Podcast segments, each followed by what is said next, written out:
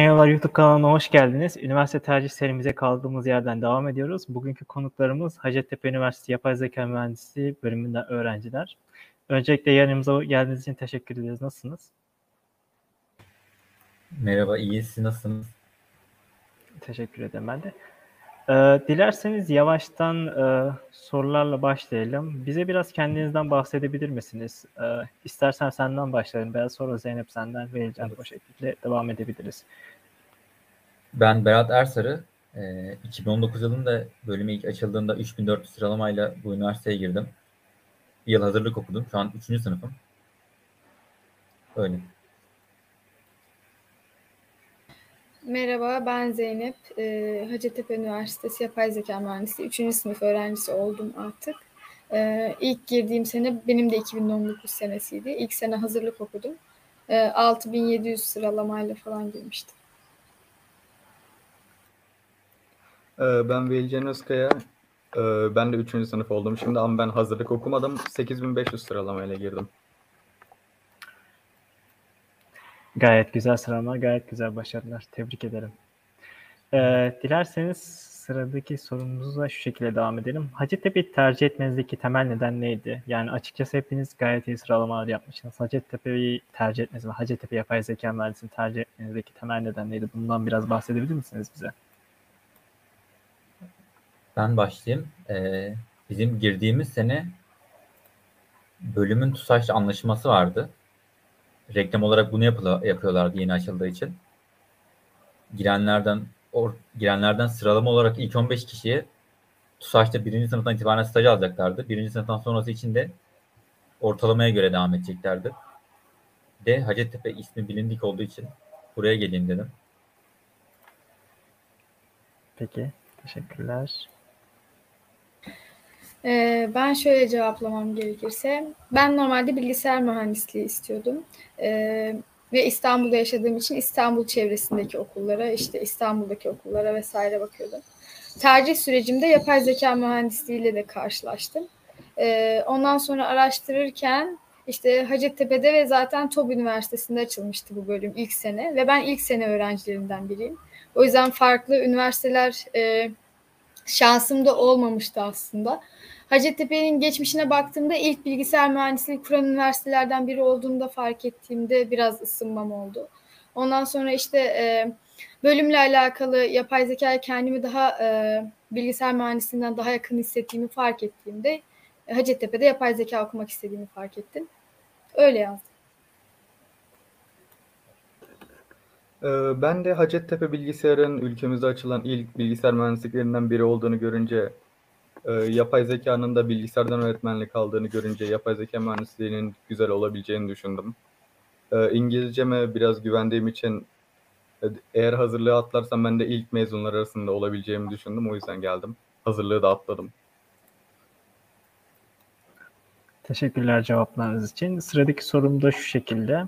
Ya şöyle çoğu üniversite böyle ya genellikle bunu vakıf üniversiteleri yapıyor ama devlet üniversiteleri de yapıyor. Böyle tercih döneminde başarılı öğrencileri kapmak için elinden geleni yapıyorlar. Muhteşem reklamlar yapıyorlar. Öğrenciye çok fazla şey sunuyor. İşte onu yapacağız, bunu yapacağız. İşte sağda X üniversitemiz şu şekilde güzel, bu şekilde güzel, şöyle imkanlar var falan filan diyorlar.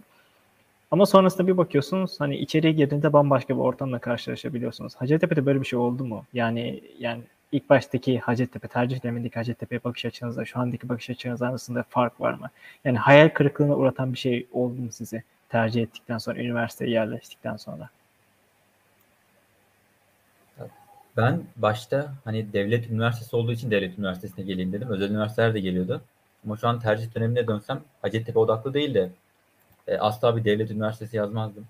Yani özel üniversitelerden birine giderdim. Çünkü oralar çok daha imkan sağlıyor. Bana mesela TOB'un yapay zekası geliyor. TOB'un yapay zekası da geliyordu o sıra. E, orayı tercih etmemişim diye oraya gitmedim. Hani şu an düşününce oradaki imkanlar buraya buraya göre çok daha iyi. Ben de biraz tercih döneminde fazla araştırmamıştım bu, bu tarz şeyleri. Özellikle şu reklamını yaptıkları TUSAŞ stajı ile ilgili bir sürü sıkıntılar çıktı. Yani onun pandemiye bağlıyorlar ama yine de bir sürü sorun yaşadık. Aslında ben kendi açıma konuşursam e, öyle çok e, Hacettepe'nin reklam yapan bir üniversite olmadığını düşünüyorum. Yani e, bilgis yapay zekanın reklamını yaptılar ilk sene. O da bölüm duyurulsun diyeydi aslında. Hani bilgisayarın vesaire tercih döneminde ekstra bir e, e, reklamını yapma çabası içerisinde değiller. Daha çok bu zaten devlet üniversitesi. E, belirli bir öğrenci kalitesi de şu ana kadar gelmiş. E, zaten gelir modundalar biraz. E, o yüzden ben bir çok e, yani çok reklamla karşılaşmamıştım. İlk sene TUSAŞ hariç. Daha çok e, hani kendim merak edip araştırdığım için çok fazla şey görmüştüm. E, yoksa fazla reklam yaptıklarını vesaire düşünmüyorum. E, TUSAŞ stajında da arkadaşıma katılıyorum. E, ilk başta ben de çok heveslenmiştim. İlk seneden staj mı yapacağım şöyle böyle falan diye. E, sonra pandemi girdi. Staj olayı olmadı. Pandemi olduğu için tabii ki. E, sonrasında da işte kişi sayısını azalttılar vesaire. Yani öyle e, çok reklam yapmıyorlar. Yaptıkları reklamın da karşılığını çok alamadık diyelim. Öyle. Ee, ben ilk sene girişli olmadığım için çok fazla reklam görmedim bölümle alakalı. Sadece bölümün puanı vardı. Benim puanıma da yakındı. Onun dışında araştırdığımda bu TÜSAŞ'ı falan gördüm ama benim puanım zaten arkadaşlarınkinden düşük. Ben ilk 15'te değilim. O yüzden dolayı biraz da şey oldu. Sadece kampüs hakkında bir şeyler görmüştüm. Hani kampüs güzel, şunlar var, bunlar var diye. Covid dolayısıyla kampüse gidemedim. Onu da görmedim. Onun dışında bakalım şimdi Covid bitti gibi oldu. Nasıl olacak?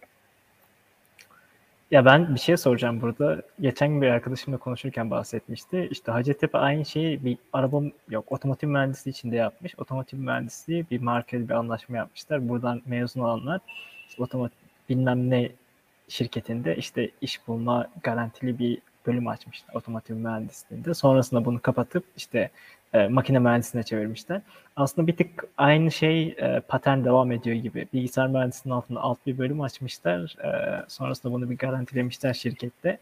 Hani bir tık şey değilim bu açıkçası. Tercih ederken tedirgin olmadınız mı? Yani ben kişisel olarak bir soruyu sormak istiyorum.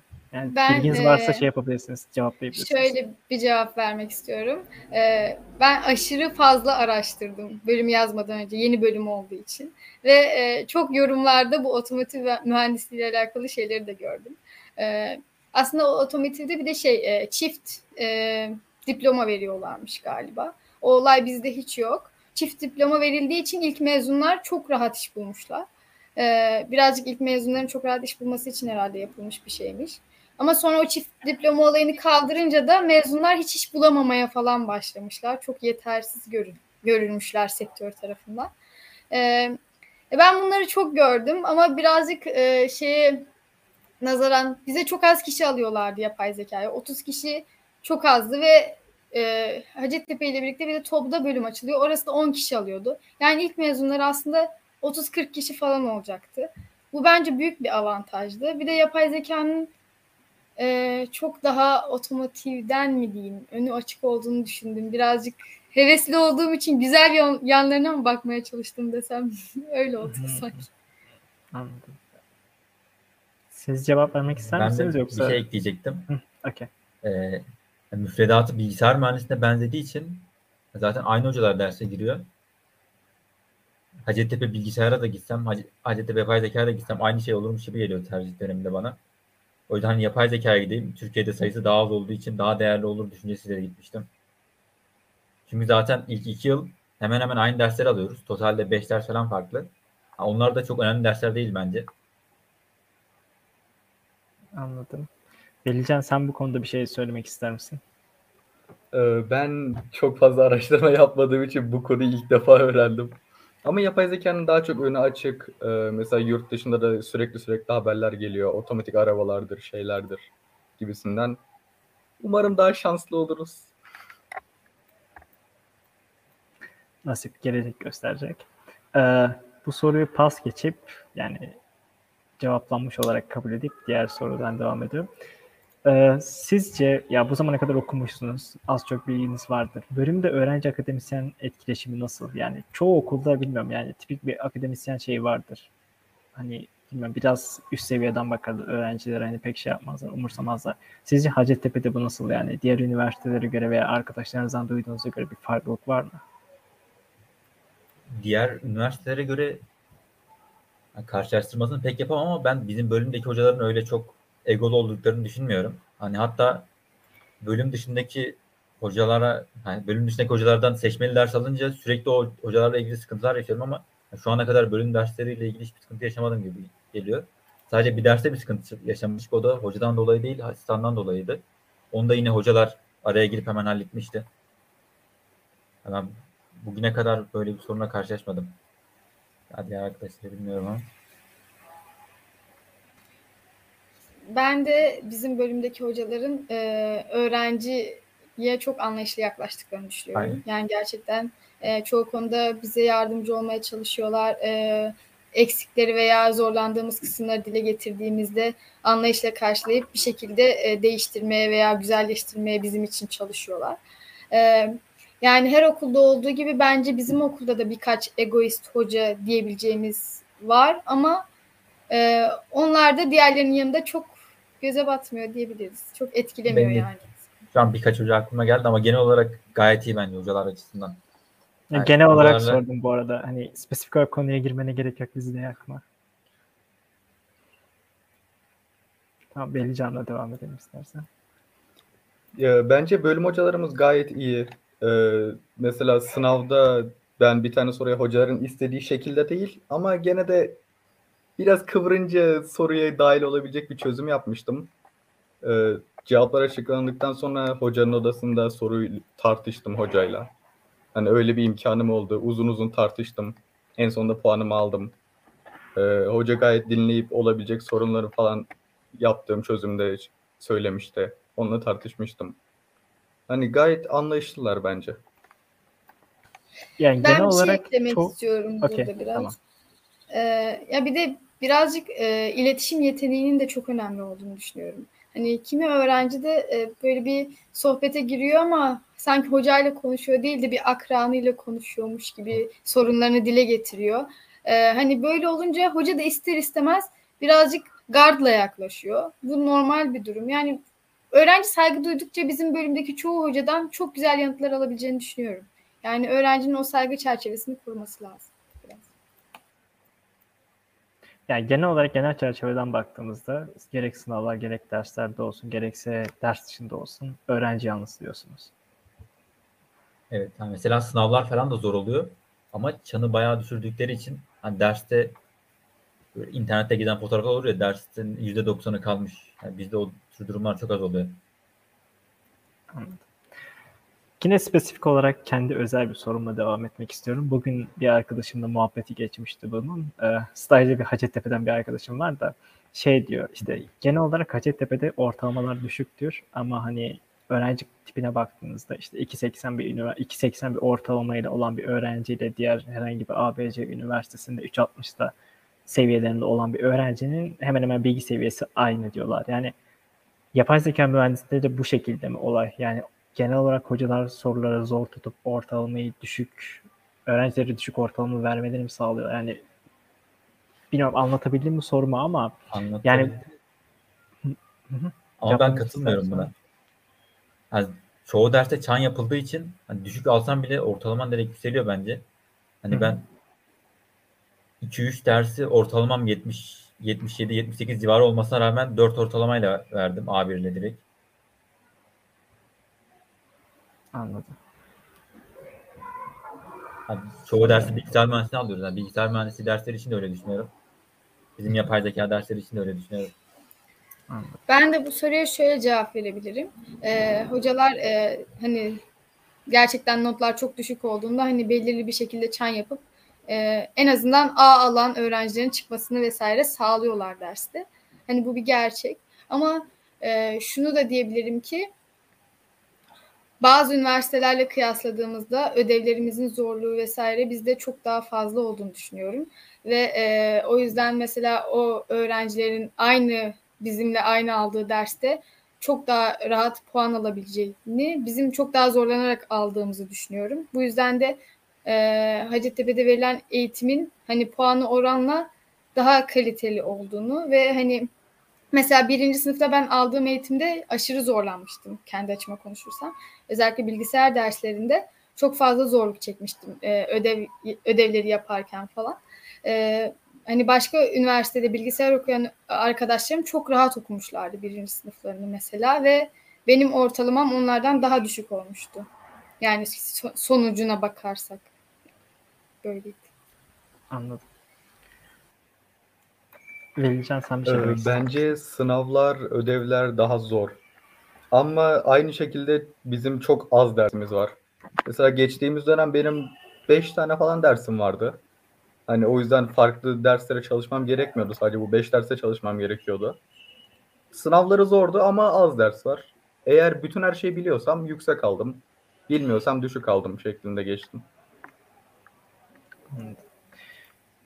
Peki şöyle devam edeyim. Ya şu an hani diyorsunuz yapay zekayı seçtim. Bilgisayarla derslerimiz hemen hemen ortak diyorsunuz ama mesela sallıyorum hemen hemen yine sizin sıralamalarınızda bir sıralama yapan bir öğrenci yapay zeka yerine bilgisayar seçse e, yapay zekadaki dersleri kendi kendine tamamlayabilir mi? Yani gerçekten böyle hani yapay zeka mühendisi olmak için o bölüm okumaya gerek var mı? Bilgisayar mühendisinden de hani bu bilgileri edinebilir mi? Veya bilgisayar mühendisi okuyarak dışarıdan kendisi bu bilgileri edinebilir mi? Edinebilir ama e, fazladan gereksiz derslere ilgileneceği için ha, onlarla vakit kaybeder. Daha biraz bir tık daha geriden gelir. Hani biz direkt bu bölümü okudum, bu bölümü okuduğumuz için daha erkenden başlıyoruz çoğu şeye. Atıyorum onlar 3. sınıfta farklı farklı alanlardan ders almak zorundalar bilgisayar mühendisleri. Ama biz sadece yapay zeka üzerine dersler alıyoruz. Atıyorum görüntü işleme dersi, doğal dil işleme dersi. O tarz farklı farklı dersler üzerine yapay zekanın farklı dallarını alırken onlar farklı farklı bilgisayar mühendisliğinin farklı farklı alanlarından farklı farklı dersler alıyorlar. Bu soruya böyle. Ben şöyle bir cevap vereyim. Normalde yapay zeka zaten e, genelde yüksek lisans olarak tercih edilen bir bölüm ve e, bilgisayar mühendislerinin veya başka bölümdekilerin de çoğunlukla tercih ettiği bölümlerden birisi yüksek lisans düzeyinde. E, hani normalde zaten yüksek lisansta hani bu şeyle kendilerini geliştirmeye çalışıyorlar ama e, lisans düzeyine zaten bu bölümün indirilmesinin en büyük nedeni yüksek lisansta verilen eğitimin yetersiz görülmesi olmuş. E, lisans düzeyinde daha kapsamlı bir yapay zekacı geliştirebileceklerine vesaire in- inanmışlar. O yüzden lisans düzeyinde bir bölüm açmışlar. E, hani bir insan e, gerçekten hani başka bölüm okuyup da yine yüksek lisansta veya e, kendi çapında ilgi odaklı kurslar alarak e, kendini bu konuda yine geliştirebilir. E, ama işin direkt içinde olmak istiyorsan bir de yapay zekanın çok fazla alanı var bence. Hani o yüzden lisansta ben bunu halledip yüksek lisansta o alanlarından birine yönelmek istedim, istiyorum. O yüzden mesela böyle bir bölümü tercih ettim. Ama onlar hem kendi bölümlerini okumuş olacaklar hem sonrasında bu bölüm için uğraşacaklar ve sonrasında yine alan seçmek için bir daha eğitim görmek yani eğitim almak zorunda kalacaklar gibi olacak. Yani zaten böyle bir alanda yönelmek istiyorsan lisans düzeyinde bunu tercih etmek bence en mantıklı olan. Ee, Ben de zaman konusu sıkıntı olacağını düşünüyorum. Mesela bilgisayar mühendisliğinde arkadaşlarımızın elektrik elektronik dersleri vardı. Bilgisayarın fiziksel parçalarıyla ilgileniyorlardı. Hani ona çalıştılar, onları ezberlediler, nasıl çalıştığını öğrendiler. Bizim yoktu. Biz onun yerine kodlama ile ilgili, yapay zeka ile ilgili hem dersler gördük hem de vaktimizi onlara harcadık ekstradan. Eğer hani kendi programlarının üzerinde ekstra saatleri varsa, uykudan keseceklerse ya da başka herhangi bir şeyden vakit ayır, ayırabileceklerse ekstradan görebilirler dersleri alıp ya da internetten bakıp.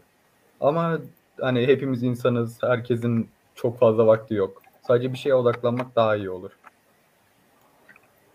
Yani kısaca Şey- her şey mümkün ama yani fazla zaman kaybedersiniz diğer bölümlerle diyorsunuz. Evet. Hatta ben bir şey ekleyeyim. Benim bir yakın bir arkadaşım bilgisayar mühendisliği okuyor. Yapay zeka öğrenmek istiyor. Mesela fazladan bir sürü elektrik dersi aldı. Bir sürü dedim 3-4 tane. Ee, mesela bu onun gelecekte hiçbir işine yaramayacak. Ama aldı yani. Zaman kaybetti. Sınav haftasında fazla onlara kafa yordu. Ha, Biz onun yerine veri bilimi dersi aldık o derslerin yerine. Şu an yapay zekaya yönelik bilgisayar mühendislerinden bir tık daha öndeyiz. İkinci sınıfı bitirmiş biri olarak. Anladım. Ee, şöyle sorayım sıradaki sorumu. Ya mesela bilgisayar mühendisi okuyan birisi genellikle backend, frontend veya normal diğer hani yazılım alanını yapıyorlar. Bir yazılım mühendisi oluyorlar. Herhangi bir şirkette bir kariyer hedefliyorlar. Mesela sallıyorum. Geçen yayınımızda bilgisayar mühendisi yayında gelen Süleyman Bloomberg'de işte bir staj yapıyor sanırım. Backend developer. Tam bilmiyorum ne yaptığını. Peki siz bu şeyden bölümden çıktıktan sonra e, ne gibi bir kariyer planı yapıyorsunuz? Bu soru chatten gelmiş. Biraz uzattım soruyu ama.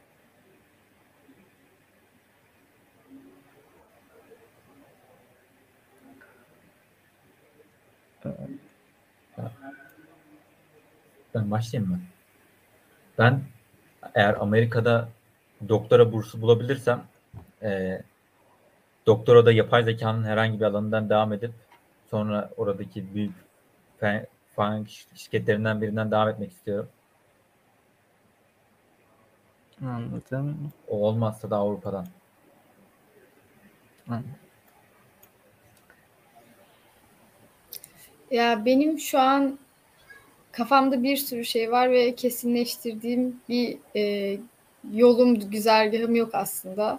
Çünkü yapay zekanın mesela sağlıktaki alanına da ilgi duyuyorum veya işte bazen hmm, biyolog gibi e, hücre incelemesine de ilgi duyuyorum. Dil işleme de hoşuma gidiyor. Yani bunu birazcık ilerideki aldığım seçmeli derslerle karar vereceğimi düşünüyorum. Yani şu an yapay zeka odaklı aşırı fazla ders almadık ve çok da fikrim oluşmadı açıkçası. Hani sonrasında nasıl bir yol izlemek isterim bilmiyorum. Ee, ya daha erken olduğu için çok fazla bölüm yönelimi yapmadık. Ama hani daha yeni haberlerde çık olduğu için Tesla'nın mesela kendi kendine süren arabası falan çok ilgimi çekiyor benim. Ben muhtemelen yönelirsem o şekilde otomatik bir şeylere yöneleceğim. Ne olursa artık. Belki araba olur, belki uçak olur, belki robot olur.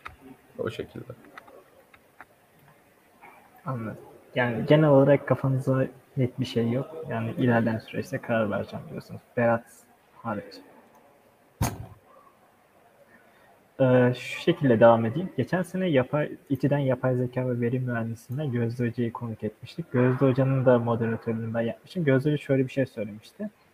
Yani ben de İTÜ'deyim. Gözde Hoca'nın bir laboratuvarı var. Ee, tam ismini hatırlamıyorum. Yapay zeka ile ilgili bir laboratuvar. Bu laboratuvarda işte bir öğrencim hani bu bölüme girmeden önce kendini bayağı geliştirmiş. Geldi şu an benimle çalışıyor diyor mesela. Peki Hacettepe'de böyle imkanlar var mı? Sallıyorum işte Computer Vision Lab diye bir lab var mesela bu yapay zeka ile ilgili. Hani bu tarz laboratuvarlar var mı? Lisans seviyesindeki öğrenciler girip de bir akademik bir çalışma yapıp bir paper'a veya herhangi bir makalede ismini yazdırabiliyor veya herhangi bir hocayla çalışıp laboratuvarda yüksek lisans öğrencileriyle tecrübe edebiliyor mu? Yani böyle bir imkan var mı lisans seviyesindeki yapay zeka mühendisliği öğrenciler için? Mesela Berat sen dedin hani doktorama devam etmek istiyorum dedim. Bu alanda neler yapıyorsun? Hacettepe'de bu alanda ne gibi imkanlar var? Çünkü hani yüksek lisansta genellikle hani tam her genellikle şey yapmıyor, spesifik olarak bakmıyorlar ama hani akademik çalışma yapan öğrencilere yüksek lisansa daha fazla önem veriyorlar mesela. Hani bu şekilde bir imkan var mı Hacettepe'de? Okulumuzda Dirim adlı bir program var. Ee, bu programa Şubat ayında falan başvurular başlıyor. Zaten hemen 15 gün içinde falan bitiyor. Şeyleri yayınlıyorlar. Hangi öğrencilerin programa katıldığını. Bir yıl boyunca sürüyor. Bu süreç boyunca bir hocayla beraber çalışıp e, bir, bir araştırma konusu üzerine çalışıyorsunuz. Ben bizim okuldan er, Erkut Hoca ile çalışıyorum. Düşük ışıkta çekilmiş görüntülerin iyileştirilmesi üzerine çalışıyoruz. Şu anda işte okulumuzda Computer Vision Lab olduğu için e, SSH bağlantısıyla o, o labdaki bilgisayarlara bağlanıp o labdaki bilgisayarlarla uğraşabiliyorum. Yani lisans eğitim boyunca laba erişimimiz olmayacak, olacak mı bilmiyorum ama yani program sayesinde hocaların yani hocalar aracılığıyla girip labda çalışabiliyorsunuz. Eğer hani proje başarılı bir şekilde ilerlerse paper da çıkarabiliyoruz. Yani daha önceden öğrencilerin isminin olduğu birçok paper var.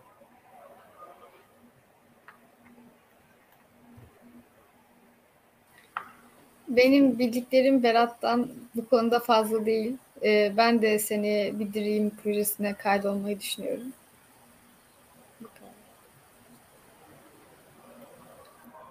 Benim de bilgi seviyem Zeynep'le aynı şekilde. Dream'e kaydolmayı düşünüyorum. Lablar konusunda da şu an kendi bilgisayarlarımız yetiyor. Yetmezse diye bilgisayarların olduğu laboratuvarlar var. Yo, Yani aslında hocalar hani da- la- laboratuvar kısmında şeyden bahsetmişim. Hani hocaların genellikle özel laboratuvarla olduğu. Hani bir fakültenin bilgisayar laboratuvarından bahsetmiyorum. Özel olarak spesifik bir konuda çalışmalar yapılan laboratuvarlardan bahsediyorum. Computer Vision Lab'ı var benim bildiğim. Yani ben şu an onun o, çalışıyorum. Ee, Erkut Hoca ile beraber çalışıyoruz. Her hafta birlikte toplanıyoruz. Diğer hocalar nasıl yapıyor bilmiyorum. Her hocanın farklı bir projesi var. Yani farklı farklı alanlardan var. Sadece yapay zeka da değil. Dirim, dirim programı içinde. Bir sürü hoca proje açıyor. Öğrenciler ona başvuru yapıyor Şubat ayında. Hocalarla iletişime geçip konuşuyorlar. Sonra e, programa dahil olanları yayınlıyorlar. Devam ediyor öyle geri kalan süreç. Hatta Evet. Evet. linkini de bırakabilirim. İncelemek isteyen varsa girip inceleyebilir. Chat'e atıyorum. Tamamdır. Ben yayının sonuna doğru alt tarafta banner olarak yayınlarım bunu. Chat'e Ee, attım. Tamamdır. Ben ilerleyen süreçte halledeceğim onu. Peki şöyle bir soru soracağım. Ee, ya mesela sanırım az önce Zeynep Hafsa dedi. İlk sınıfta bayağı zorlandım dedi. Ee, bu zamana kadar hani geldiniz, belli bir sınıfa geldiniz. Hiç böyle pişmanınız oldu mu? Keşke şu bölümü okusaydım ya. Hani bununla da uğraşılır mı? Hani neler yapıyorum ben ya deyip de kendinizi böyle şey yapmanız oldu mu? Bıkkınlık geldi mi üstünüze? ne bileyim bazı arkadaşlarımla konuşuyorum mesela keşke endüstri okusaydım elektrik elektronik haberleşme nedir yani daha kolay olur hani daha rahat bir hayatım olur tarzında konuşuyorlar. Sizin böyle bir pişmanlığınız bir böyle hani dönüm noktasından döndüğünüz oldu mu? Ben hazırlıktayken tıpa mı geçsem diye acaba düşünüyordum. Hani hala daha tam karar verememiştim. Acaba burayı okusam mı diye. Zaten tercih ederken de tıp ve mühendislikler vardı. Bilgisayar mühendisi, yapay zeka mühendisi. Ama hazırlıktan sonra devam edeyim dedim. Birinci sınıfı okudum, yapabiliyordum ama böyle insan ilişkileri konusunda iyi olduğumu düşünmüyordum. Hani mühendislikte birazcık da o tarafın da önemli ol- olması gerekiyor. Arkadaşlarımla falan konuştum konu hakkında biraz. Sonra devam etme kararı aldım ama şu an için bakarsam yani geriye dönük asla farklı bir bölüm yazmazdım. Ya, ya bilgisayar mühendisi yazardım ya yapay zeka mühendisi. Yani farklı bir mühendis bile yazmazdım.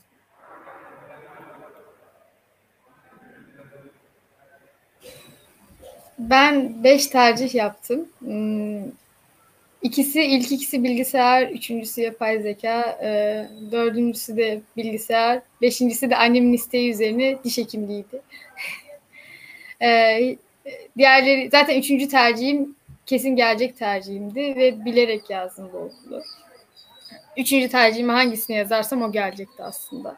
Diğerlerinin sıralamaları çok yüksekti yazdığım okulların çünkü. Ee, şöyle ilk sınıfta çok zorlandım. Ee, ama şey e, kendim bilgisayar geçmişim hiç yoktu. Ee, yani e, gerçekten bilgisayarla alakam açıp dizi izlemek falandı yani. Ee, o yüzden bölümde gel bir de bizim ilk senemiz online oldu. Bunun da dezavantajını çok yaşadım. Ee, evde bilgisayarla alakası olan insan yoktu. Ee, sorup danışabileceğim bir arkadaşım yoktu falan. Ee, ama sonra başardıkça ve bir şeyleri yapabildikçe kendime güvenim geldi. Bölümü daha çok sevmeye başladım. Ve şöyle hani gerçekten hani çok zorlandığım için sonrasında başardığımda e, sanki böyle iş hayatında da zorlanınca yaparım hissi de geldi içime. Yani iş hayatına da ön hazırlık yapıyormuş gibi bir his verdi.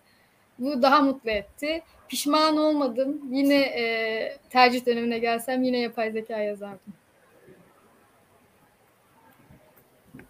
Ben seçimimden hiç tercih e, pişman olmadım. Hep mutluydum. Küçüklüğümden beri bilgisayarlarla uğraşıp bir şeyler yapmak, kod yazmak istiyordum. E, bölümde de zor bir şeyler olduğunda gece yatmak yerine bununla uğraşıyorum. Yemek yemek yerine bununla uğraşıyorum. Biraz deli gibi kod yazmakla uğraşıyorum. Ama hiç pişman değilim. Bazen yemek yemediğime pişmanım. Ama onun dışında sıkıntım yok. Teşekkürler. Bir Gerçekten yemek gelmiş. yemiyor bu arada e, arkadaş. Destek çıkayım. Ya gerçekten yemek yemeden sorularla uğraşıyor. Bazen ben bunları gördükçe diyorum ben bu, bu insanlarla aynı bölümde miyim? ben o kadar değilim asla o kadar hızlı bir insan olmadım. Teşekkürler. ya şöyle bir soru gelmiş bilmiyorum cevaplayabilir misiniz bana bu konuyla ilgili bilginiz var mı? Yapay zeka ve bilgisayarla çap yapma imkanı var mı veya diğer bölümlerde? Mesela bir yapay zeka okuyan birisi sallıyorum makine mühendisiyle çap yapabilir mi veya bir yandal tarzında bir şeyler yapabilir mi Hacettepe'de? Bunlar iti de çok fazla olur çünkü elektronik haberleşme okuyan bakıyorsun endüstriyle veya bilgisayarla çap yapıyor. Ben direkt cevaplayabilirim. Bunun bir cevabı var zaten. Yani şey bilgisayar mühendisliğinde bizde çapa açık bir bölüm yok. Yapay zeka da aynı şekilde. Ee, bilgisayar mühendisliğinde de yapay zekada da sadece yandal bazı bölümler var. Onların da sayısı çok az. Ya matematik tarzı bölümler mi? Matematik, fizik, temel bilimler. Ya var mı bilmiyorum ama. Aynen. Ama yandal olarak var. Yani çapa hiçbir bölüm yok. Yani Ve biz bilgisayar- hocalarla bunu konuşmuştum ben ilk başta. Ee, bu bölümü okuyun yeter modunda yaklaşım olmuştu. Çünkü kendileri de bölümde çok zorladıklarını düşünüyorlar ve bu bir öğrencinin hani bununla birlikte başka bir bölüm daha okumayacağı, okuyamayacağını düşünüyorlar.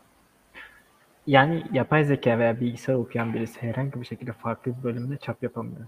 Yanlış anlaşılmadı değil mi? Peki şöyle sorayım. Mesela sallıyorum benim puanım yetmedi. Düşük mü bilmiyorum ama herhangi bir mühendisliğe girdim. İşte sallıyorum X mühendisliğine girdim. O, bir, o mühendislikten bilgisayar veya yapay zeka çap yapabiliyor muyum? Yani dışarıdan bilgisayar veya yapay zeka çap yapılıyor mu? Ben sanmıyorum ama diğer arkadaşlarım bilgiliyse cevap Endüstriden verebilirler. ders alanlar var ama fakat yan dal ile mi alıyorlar, çap ile alıyor, çap ile mi alıyorlar bilmiyorum hiç. Fakat endüstri mühendisliği okuyup bizim dersleri alanları gördüm. Ben de gördüm ve konuştuklarım Yandal öğrencisi olduklarını söylemişlerdi. Ama çift Yandal var mı bilmiyorum. Yani öyle varsa da haksızlık olur bizim bölümün ol- olup onların olması. Bence yoktur. Velican sen bir şey söyleyecek misin bu konuda? Yoksa diğer... Benim bu konuda hiçbir bilgim yok. Okey. Ee, biraz daha yine bir spesifik bir soru geldi. Özel bir soru. Bilmiyorum. Cevaplayabilir misiniz? Cevaplayamazsanız geçeceğim. Hacettepe'de devlet okulu olarak bir projede ekonomik destek için nasıl yol izliyorlar? Veya şöyle sorayım. Herhangi bir şekilde ekonomik olarak destek oluyorlar mı? Mesela sallıyorum. Ee, bizim okulda biz bir İHA üzerine çalışıyoruz. Sponsor bulamadık. Hani okula böyle bir ihtiyacımız var dedik ve hani okul güzel bir seviyede maddi bir destekte bulundu. Böyle projelerde yani bir öğrenci gidip de veya öğrenci takımı gidip de bizim böyle bir projemiz var deyip de okuldan destek alabiliyor mu? Yani projeler destek oluyorlar mı öğrencilere? Ben cevaplayabilir miyim? Ee, biz de yine Teknofest için İHA'lar üzerine uğraşıyoruz. Elektrik elektronik mühendisliğinin labında çalışıyoruz. Ee, direkt Hacettepe değil de Hacettepe'nin Teknokenti her yıl sponsor oluyor. Belirli bir maddi destek sağlıyor topluluk adına. Topluluk da o parayı takımlar için harcıyor. Onun dışında Hacettepe'den spesifik olarak e, yarışma alanına gidiş için otobüs için sponsor olduklarını duymuştum. Maddi destek olarak okulun direkt, direkt olarak sponsor olduğunu duymadım sanırım.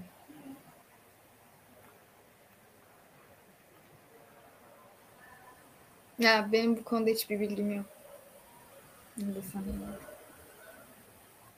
Ben de daha dilime falan başlamadığım için benim de bir bilgim yok. Anladım. De hocalar projeleri TÜBİTAK'a saydırıp TÜBİTAK'tan destek alabiliyorlar.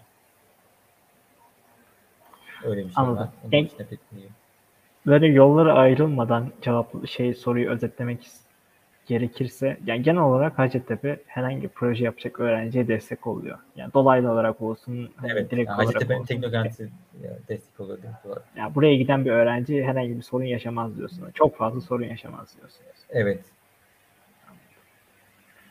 Ee, tamam şu şekilde devam edeyim. Hmm. Bu soruyu aslında diğer yayında da sormuştum. Size de bir bilginizi almak istiyorum, düşüncenizi almak istiyorum. Hacettepe'nin kampüsü sanırım Beykent kampüsü. Ankara'nın bayağı ucra köşesinde bir yerde.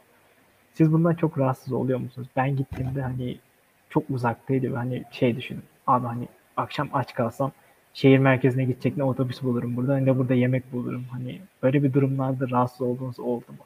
Yani Hacettepe'nin şehir merkezine uzak olduğunda hiç yakındığınız oldu mu? Ya bu negatif mi, pozitif bir şey mi? Bunu sorayım. Bence şehirden uzak olması daha çok hani kampüs ortamı daha çok hissettiriyor. Çünkü Sığıya kampüs şehir içinde. Oraya ben gittiğimde hiç kampüs içindeymişim gibi hissetmiyorum. Yani burada zaten yemek kısmı olarak çoğu şey var. Yani istediğini yiyebiliyorsun. Hazırlık yılında daha çok vardı. Ee, pandemiden dolayı çoğu firma kapandı. Şu an okulu hazırlıyorlar gelecek yıl için. Yani bayağı bayağı şey kafe, restoran gibi şeyler tekrardan açılacak. Bahçeleri falan da düzenliyorlar şu an. Geldiğimden beri ilk defa bu hafta sıkıntı yaşıyorum. Bu hafta da bayram haftası olduğu için her yer kapalı. O yüzden yemek sıkıntısı çekiyorum şu an. Yo ben yemeği böyle genel olarak hani bir örnek vermişim aklıma. Onun dışında kırtasiye, eczane, hastane, direkt kampüsün içinde hastane var. Yani gece bir şey olduğu anda direkt kalkıp acile gidebiliyorsunuz. Yani orada hastane bir şey yapamasa bile ambulansla seni şeye gönderebiliyor. E, büyük hastaneye yönlendirebiliyor. Ya orada küçük bir Onun- şehir kurmuşlar diyorsun. Evet. Ben kendi adıma konuşursam Beytepe kampüsünde yaşıyorum. Direkt Ankara'da yaşıyorum değil, Beytepe kampüsünde yaşıyorum. Her ihtiyacımı orada gideriyorum. Yani e, her şey var. Önceden daha da varmış. E, ben kampüsten çıkmıyorum. Kampüsü çok seviyorum. Çok güzel. E, canım sıkılıyor etrafta dolaşıyorum. Arkadaşlarımla yapabileceğim çoğu etkinliği yapabiliyorum. E, yani açıkçası Ankara'da çok farklı şeyler yok yani kampüste olandan. Evet. Veya çok e, o yüzden kampüsten çok dışarı çıkmıyorum. Kargo kargomu bile kampüs içinden verebiliyorum. E, zaten kargolar direkt yurtların önüne geliyorlar. Hani sipariş de verebiliyoruz çok rahat 12'ye kadar falan. O yüzden öyle yani kampüs benim için çok güzel bir ortam. Ee, Ben kampüs dışında yaşıyorum. Kampüse bir saat yol gidiyorum. Ee, O yüzden sabahın köründe uyanmam falan gerekiyor. Ama onun dışında okula geldikten sonra mesela arkadaşlarla bir şey yapmak istediğimizde eğlence yerleri var. Bilardo oynayabiliyoruz, PES oynayabiliyoruz. Ondan sonra başka bir günde buluşup bir şey yapalım dediğimizde gene okulda buluşuyoruz Beyke- Beytepe kampüsünde. Ee, onun dışında gece otobüs var. Ee, ben galiba gece 12'de binmiştim. Ee, şehre geri dönmek, Ankara'ya geri dönmek için. O zaman otobüsler vardı. Ula- ulaşım konusunda hani bir saat sürse bile herhangi bir sıkıntı yok. Öyle. Anladım. Ee, şöyle bir soru sorayım. Az önce demiştin sanırım kim dedi bilmiyorum ama hani Top Etü de vardı. Top Etü'yle yayın yapacağız bu arada. İki gün sonra, üç gün sonra falan yapay zeka mühendisliğiyle ilgili yine aynı şekilde. Top Etü yerine Hacettepe tercih etmenizdeki neden neydi? Veya Top Etü'de okuyan arkadaşlarınız varsa hani bir karşılaştırma yapmanız gerekirse sizce eksik yanları var mı Hacettepe'nin veya artıları var mı Top Etü'ye göre? Yani bir bilginiz varsa bu konuda konuşabilirsiniz. Benim bildiğim kadarıyla TOBET'i ben tercih döneminde bunları araştırmamışım. Sonradan öğrendim. Staj bulma konusunda hani öğrenci hiçbir şeyle ilgilenmiyormuş. Direkt olarak her şeyi TOBET'i ayarlayıp öğrenci sadece staja gidiyormuş. Onun dışında burslu gidersen yurt ve maddi destek olarak bayağı katkı sağlıyorlar. Ama okullarının zor olduğunu duymuştum. Onlar iki dönem değil, üç dönem okuyorlarmış. Hani bir yıl içinde bir yılın çok büyük bir kısmını okulda geçiriyorlarmış. Onun dışında pek bir bilgim yok TOBET hakkında. Ee, ben yazarken Tobet'i de araştırmıştım tabii ki. en çok araştırma yaparak gelen ben olmuşum galiba benim. Ee, şöyle Tobet'in hatta e, rektörü mü konuşma yapmıştı YouTube'da bölümle alakalı bölüm tanıtımı. Oğuz. Ergin mi? Evet. Ee, onu izlemiştim. Şöyle Tobet'in bence en büyük saçmalığı e, hazırlığı iki dili olup bölümün Türkçe olmasıydı. Ee, bence bu bölüm Türkçe okunmamalı. Ve hazırlıkta iki dil bu e, öğrenciden istiyorsan bölümü neden Türkçe veriyorsun? Demek ki İngilizce verebilecek yeterlikte akademisyen kadron yok. Yani ben bu sonucu çıkarmıştım kendi kafamda ve bana çok saçma geldiği için hiç yazmak istememiştim. Ee, ama şey özel üniversite olduğu için tabii ki burslu gelen öğrenci bir de şöyle burslu öğrenci çok azalıyor şu an. İlk sene sadece burslu öğrenci almıştı 10 tane.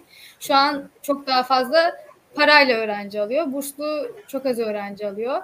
Ee, yani e, yani çoğu özel okulda olduğu gibi yine parası olan kazanıyor durumu oluyor tabii. O ayrı bir konu ama e, özel üniversite olduğu için e, tabii ki öğrencilere bir şeyler sağlamak zorunda. Bunun vaadiyle çekiyor zaten öğrenciyi. E, ama dediğim gibi benim eğitimin Türkçe olması bana aşırı çok saçma gelmişti. O yüzden yazmamıştım yani.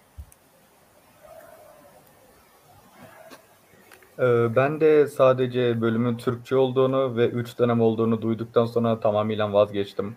Çünkü yazları izin veri de biraz dinlenelim. Ve bölüm İngilizce, bütün kaynaklar İngilizce çalış. Yani Türkiye'de çok yapay zeka ile alakalı bir şey yok şu an. Yurt dışında var. Neden Türkçe diye düşünüp o bölümden vazgeçtim. Muhtemelen puanım yetmezdi gerçi. Ya aslında bu İngilizce konusunda Oğuz Hoca'nın çok güzel videoları var. Ben bu konuda kişi olarak size katılmıyorum. Oğuz Hoca'ya katılıyorum. Yani o yüzden Tabati'nin veya herhangi bir üniversitenin Türkçe olmasını daha çok destekliyorum. Yani dileyenler Oğuz Hoca'nın kanalında izleyebilirler bir şekilde videoları.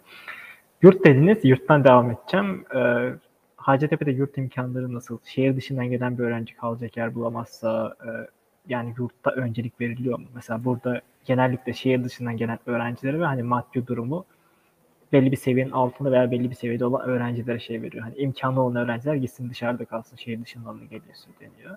Hani Hacettepe'de yurt muhabbeti nasıl? Hani okulu yardımcı oluyor bu konuda? Yurt kapasiteleri nasıl? Dışarıdan gelecek bir öğrenci herhangi bir sorun yaşar mı yurt bulma konusunda? Yani bu konuda biraz bilgi verebilir misiniz? Ben verebilirim. Abi, Bence bu konu cinsiyete göre de değişiyor. Hacettepe'deki şu an yurtların kapasitesine bakarsanız hani 400 kişilik 400 kişi çok az tabii de yani örnek olsun diye 400 kişinin 300'ü kızsa 100'ü erkek gibi oluyor. Şu an yeni bir KYK yapılıyor. O KYK'yı da kızlar için yapıyorlar. Zaten kızlar için kampüste bir tane ayrı bir KYK daha var. Hani kız biri gelirse çok rahat bir şekilde kalacak yer bulur bence. Ama erkekler yurt bulmakta daha çok sıkıntı çekiyor benim açımdan. Yurt bulmada da e, üniversite başarı sıralaması etki ediyor bence. Şu an mesela benim kaldığım bloğun çok büyük bir kısmı bilgisayar mühendisliği öğrencileri.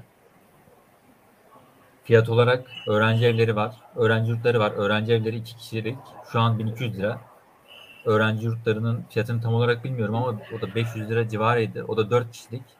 Yani seneye şu an zamsız fiyatı. Seneye zamlı olacak tabii. Benim söyleyeceklerim bu kadar. Hmm, Ben Hacettepe'de yurt şeyini şöyle açıklayabilirim. Ee, bir kere Beytepe kampüsü çok uzak bir kampüs ve dışarıdaki e, yani çok yakın özel yurtlar harici diğer her türlü KYK veya başka yurtta evde kalan bir öğrencinin en az gelme süresi bir saat kampüse. Ee, o yüzden çoğu öğrencinin amacı kampüs içinde yurt ayarlamaya çalışmak. Ee, şöyle ki kampüste de işte bir kız KYK var. Bana KYK hiç çıkmamıştı. E, kampüs içindeki KYK çok az kişiye çıkıyor. E, diğer işte öğrenci yurtlarında kalıyorum ben. Ondan sonraki işte fiyat sıralaması yaparsam ondan sonra öğrenci yurtları geliyor ucuz yurt olarak. Ben onlarda kalıyorum. Bana oradan yurt çıkmıştı. 2000 kız, 2000 erkek ya da 1000 kız, 1000 erkek falan alıyorlar diye biliyorum yurda. Ee, diğer yurtlarda işte öğrenci evleri ve özel yurtlar olarak gidiyor. Ee, işte maddi duruma göre işte öğrenci evleri 1200 falandı. Seneye 1500 olacak falan diyorlar. Ee, öyle yurtlar her yerde pahalandı. O yüzden e, Hacettepe'nin bu konuda ekstra bir pahalılık olduğunu düşünmüyorum. Ben bu konuda Berat'a katılıyorum. Ben Ankara dışından geldim. Yurtların çoğu kız öğrenciler için olduğu için bulamadım. Ee, ondan sonra hızlı bir şekilde Ankara'da bir yer ayarlamaya çalıştım kendime. Ee, tam da Covid bittiği için zaten çok fazla kişi yurtlara gelmek istiyordu. Hani biraz da oradan yığılma olduğunu düşünüyorum. Ee, şimdi Ankara'da çok bir yer bilmediğim için tek bildiğim yer Kızılay'dı. Kızılay merkez dediler. Orada bir yerde buldum. O yüzden en merkezdeki yerden bile bir saat sürüyor gelip gitmem. Ama kampüsün içinde olabilirseniz yani yurt eğer kız bir öğrenciyseniz herhangi bir sıkıntınız olmaz gibime geliyor. Ee, Ben bir şey daha açıklamak istiyorum yurtlarla alakalı. Ee, şöyle ki ilk sene ben e, kampüsteki yurtlara çok vakıf değildim başvururken. İşte o yüzden hani başvurmuştum ama çıkacağını çok bilmiyordum ve kampüsteki yurtların çıkıp çıkmayacağının açıklanması çok geç sürüyor. Yani çok e, neredeyse okul açılmasına yakın açıklıyorlar ve özel yurtların çoğu e, başvurularını kapatmış oluyor. Yani bu durum bence çok büyük bir eksi yani. Ben o yüzden ilk sene güvenip e, mesela okuldaki şey yurdun açıklanmasını beklemeden başka özel bir yurda kaydolmuştum. Çünkü özel yurt sürekli biz e, bundan sonra alım yapmayacağız vesaire diyordu. Hani yurtsuz kalmaktansa herhangi bir yurda geçiş yapma telaşı içerisinde olmuştum ilk sene. Hatta Öyle yani. özel yurtlar bu durumdan faydalanıp fırsatçılık yapıyorlar bence. İlk yıl bizim okuldaki özel yurt hani okulun açıklayacağı tarih belliydi hatırlayın. Mesela ayın 12'sinde açıklıyorsa o da depozitoyu 10, 10'una kadar yatıracaksınız demişti. Zorla depozito aldırdı benden. Sonra bana 12'sinde yurt çıktı. Öyle bir Sonra durum bir de şey oluyor. Özel yurtların genelde sözleşmesi oluyor. Yurttan e, işte daha işte dönemin ortasında vesaire ayrılırsan e, yurt %30'unu ücretinin en az işte yüzde otuzunu falan ödemek zorunda kalıyorsun. E, yani o zamana kadar ödediğin aidatlar hariç tutuluyor. E, yani öğrenci biraz mağdur ediliyor bu konuda açıkçası. Anladım. Ne iyi ne kötü diyorsunuz yani. Artı, eksileri artıları var diyorsunuz. Ee, sıradaki sorum şu şekilde. Yemek falan dediniz. Yemek konusuna girelim. Yemekhane konusuna girelim. Beslenme konusuna girelim. Yemekhane nasıl oluyor? Yani dışarıdan gelecek bir öğrenci için hani yemekhanede uygun fiyatlarla yemek yiyebilir mi veya kafeterya bulabilir mi kampüsün içerisinde hani nasıl bir e, durum var bu içeride? İki dakika siz sorulara cevap verin. Ben de ışığı yakıp geleyim. Tamam. Ben başlıyorum o zaman. Ben önceden yemekhanede yiyordum ama sonradan kötü olmaya başladı bence. Fiyatı 4 lira 25 kuruş şu anda. Ee, kampüsteki diğer kafeteryalarda Ankara'ya göre ucuz bence. Atıyorum Ankara'da 50 liralık bir yemek burada 35 lira. Tadı da güzel. Hani onun dışında yemek konusunda sıkıntı yaşamazsınız bence. Hani yine pahalı 35 lira ama diğer Kızılay'a göre veya Ankara'nın farklı bir yerine göre karşılaştırırsak daha uygun kampüs. Siz konuşun isterseniz. Ee, Ben şunu diyeyim öncelikle. e, Kampüsteki KYK hariç hiçbir yurtta yemek verilmiyor. Ee, Hani çoğu öğrenci yurtlarda yemek var mı yok mu sorusu sorabiliyor. Ee, Ben var sanıyordum mesela çoğu yurtta. Çünkü lise yurtlarında genelde yemek oluyor. Ama üniversite yurtlarının çoğunda yemek sağlanmıyor yani. Ee, Kampüste de işte e, okulun yemekhaneleri var birkaç yerde. Ee, işte e, çoğu ülke ülkedeki çoğu üniversiteye kıyasla okul yemekhanesi yemekhanesi ucuz diyebiliriz. Ee, ama kendi açıma konuşursam ben çok beğenip gitmiyorum yemekhane. İlk zamanlar e, ben de gidiyordum çok fazla ama sonrasında işte kendim imkanımca bazen mutfakta yemek yapıyorum. Bazen işte kampüste bir yerden yiyorum. Bazen e, internetten kuponum oluyor. internetten sipariş veriyorum. Öyle oluyor. Ama yemek sıkıntısı çok çekiyor muyum? Çekmiyorum. Ee, Ben okulun yemekhanesi ucuz olduğu için ve hani tadından da çok şikayetçi değilim açıkçası. O yüzden orada yiyorum. Ee, Bazen hatta dersim olmadığı günlerde metroya binip okula gidip öğle yemeğini, akşam yemeğini okulda yiyorum. Dışarıda evimde tek başıma kaldığım için ya öğle ve akşam yemeğini kendim hazırlayacağım, yiyeceğim ki kendim tek bir çeşit bir şey hazır- hazırlarım. Makarna yaparım atıyorum. Ya da hani kolay ne yapılabiliyorsa onu yaparım. Onun yerine yemekhanede birkaç çe- çeşit yemek oluyor. Çok ucuz oluyor. Yol parasıyla da birleştirince evde yememden daha ucuza denk geliyor. O yüzden birkaç kere gittiğim oldu. Anladım. Ee, sıradaki sorum da şu şekilde. Ee, ya mesela bazı üniversitelere dışarıdan cidden böyle şey gözüyle bakılıyor. Bazı üniversitede abartılmış oluyor. Sektörde mesela işte sallıyorum A üniversitesindeki öğrenci hani ne okursa okursun veya herhangi bir bölüm okuyor olsun. iyi kötü fark etmeden işte bu üniversitede bu bölüm okuyor abi bu öğrenci iyidir deyip bir tık böyle ön yargıyla yaklaşıp pozitif bir ön yargıyla yaklaşıp bu öğrencilere öncelik veriyorlar. Hacettepe'ye sektörün bakış açısı nasıl? Yani sektörde bir öncelik veriliyor mu? Diğer üniversiteler işte Boğaziçi, İTÜ, ODTÜ gibi üniversitelere hani öncelik verildiği gibi Hacettepe'de de böyle şeylere hani sektörden bakınca öncelik veriliyor mu? Evet bence Hacettepe için de var. Özellikle savunma sanayi firmaları için hani LinkedIn'den istatistiklere de bakarsanız genel olarak Hacettepe, ODTÜ ve bilindik üniversitelerden alıyorlar ve ortalamaya göre alıyorlar.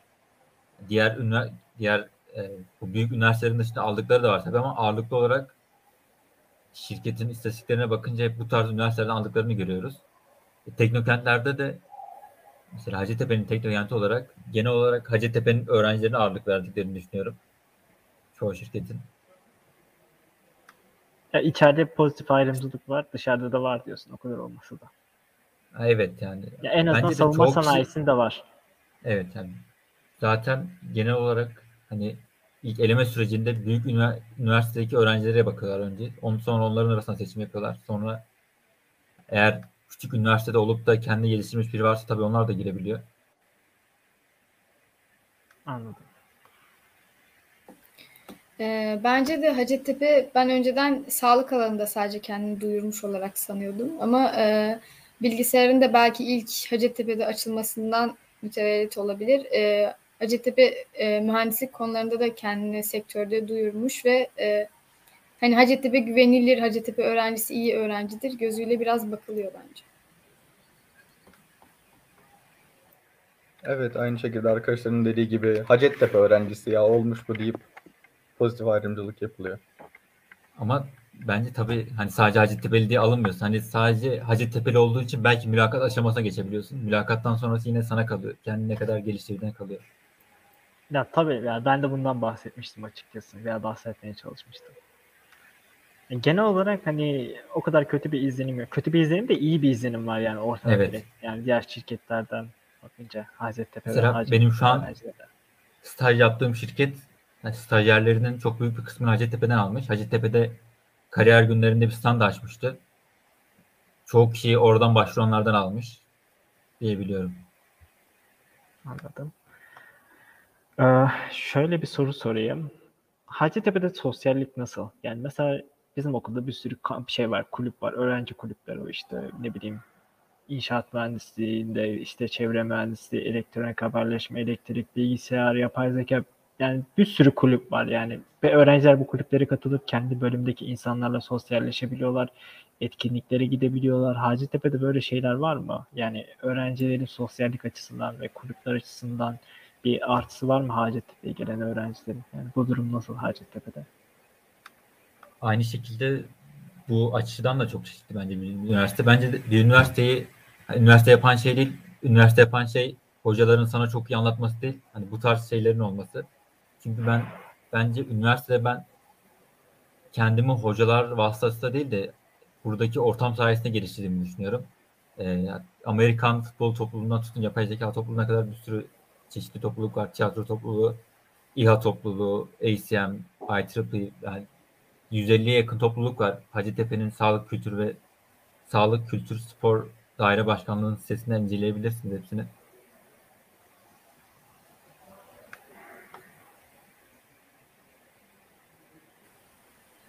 Ben de toplulukların çok fazla ve işlek olduğunu düşünüyorum. Ee, çünkü öğrenciler de genelde hevesli öğrencilerden oluşuyor topluluğu oluşturan ve hani sürekli şunu yapalım, bunu yapalım e, gibi bir sürekli toplanma ihtiyacı vesaire hissediyorlar. Ee, toplulukların sadece tek şeyi pandemiden önce bence daha fazla topluluk vardı. Pandemide çoğu galiba kapanmak zorunda vesaire kalmış olabilir. Ee, ama şu anda da yine e, çok fazla topluluk var. Ben mesela e, nörobilim topluluğuna ve işte ACM'in Hüprok topluluğunda üyeyim şu anlık. İkisi de güzel gidiyor, zevkli gidiyor. Ee, arkadaşlar teknik toplulukları saydı. Ben de eğlence için olanları sayayım. Ee, oyun oynayan arkadaşlarımızın toplandığı topluluklar var. Ondan sonra anime manga topluluğumuz var. Ee, Humat'tı yanlış hatırlamıyorsam kısaltılması. Ee, her gün City'de, e, City'de yemeklerin yendiği, konuşulduğu, zaman geçirdiğimiz bir yer. Orada oturup muhabbet ediliyor, vakit geçiriliyor. Hani kafa dağıtmak için bir sürü topluluk var ya da gerçekten bir şeylere odaklanmak için topluluklar var. Ee, ben yapay zeka topluluğuyla bu Hüprok topluluğuna üyeyim. Biz mesela Hüprok topluluğunda her hafta ders yapıyoruz. Ee, yarışma için soru hazırlıyoruz. Yeni e, üyeler seçiyoruz yarışma yaparak tarzında. Öyle şeyler yapıyoruz. Hani kendimizi geliştiriyoruz ya da bazen kafa dağıtmak için mesela anime topluluğunun oraya gidip onlarla muhabbet ediyorum sadece. Birkaç saat boyunca. Gayet eğlenceli oluyor. Yani sosyallik açısından Hacettepe'ye gelen bir öğrenci sorun çekmez diyorsunuz. Ee, peki şöyle bir soru sorayım. Yani sizler gayet iyi dereceler yapmış in- insanlarsınız. Bölümünüzde ve bilgisayar mühendisi bölümündeki öğrenci profili nasıl? Yani böyle cidden böyle hani insan dışarıdan bakınca herhangi birisi hani 3000 sıralama yapmış veya 4000 sıralama yapmış öğrenci hani inek öğrencidir ve gayet çalışkan bir öğrencidir diye düşünüyorum. Hacettepe'de yapay zeka ve bilgisayar mühendisliğindeki öğrenci profili nasıl? Yani bunu ilk baş yapay zeka üzerinden örnekleyebilirsiniz veya hani buradan örnekleyemiyorsanız da genel olarak Hacettepe'ye vurabiliriz bu soruyu. Benim bakış açımdan cidden çok çalışan insanlar da var ama bence öğrencilerin çok büyük bir kısmı desem, demesem diyemesem de bir bir kısmı şey e, hani iyi bir sıralama yaptım geldim Hacettepe'deyim bundan sonrası garanti tamam gözüyle bakıp sal, salmış gibi geliyor bana. Ama cidden çok çalışan insanlar da var tabii.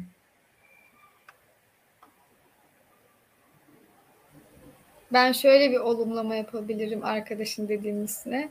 Ee, bizim genelde sınav dönemimiz ve ödevlerimiz her hafta oluyor ve kütüphaneye gittiğimizde bizim bölümden insanlar yoğunlukta oluyor. Genelde bilgisayar ve yapay zeka yoğunlukta insanlar oluyor. Her an bir tanıdığa rastlıyorsunuz yani kütüphanede.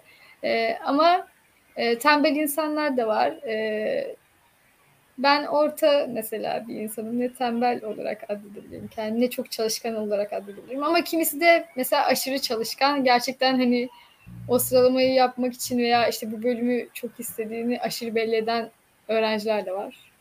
Evet. Bizim assignment'larımız zaten iki haftalık olup ve iki hafta bittiği zaman yenisi geldiği için sürekli bir çalışma içinde oluyoruz hepimiz. Ee, onun dışında ama hani bu iki haftanın tamamını çalışmasa mesela bir hafta boşluk bırakıp diğer hafta yapabilirsin. Bazı arkadaşlarımız son üç güne bırakıyor gene yetiştirebiliyorlar. Şeklinde hani geri kalan zamanda yatabilirsiniz, çalışabilirsiniz. Tamamen size kalmış bir şekilde. Bir öğrenci topluluğu var. Bir de ben bir şey eklemek istiyorum. Bizde bölümde hiçbir derste e, devam zorunluluğu olmadığı için de bence öğrencilerin tembelliği biraz buradan geliyor. E, devam zorunluluğu çoğu hoca istemiyor. Sadece alan dışı hocaların bazıları istediler. E, genelde o yüzden mesela derse katılımlar da yüzde elli falan oluyor. Yani kişilerini oranlarsak.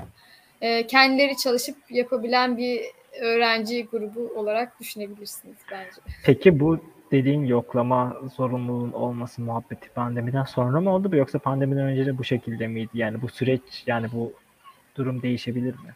Yani pandeminin etkileri azaldıkça. Yani bence hocaların şeyiyle alakalı bakış açısıyla. Hocaların çoğu hani öğrenci kendi yapabiliyorsa gelmese de olur modunda biraz. Çünkü pandeminin etkisi kalktı ve hani hiçbir hocadan illa dersime gelmek gelmelisiniz şunu öğrenmek için falan dediğini duymadım. Ben pandemiden önce hiç okumadım. Pandemide, pandemiyle birlikte bu bölümü okumaya başladığım için öncesini bilmiyorum. Ee, yoklama konusunda ben de şey olarak ekleyebilirim.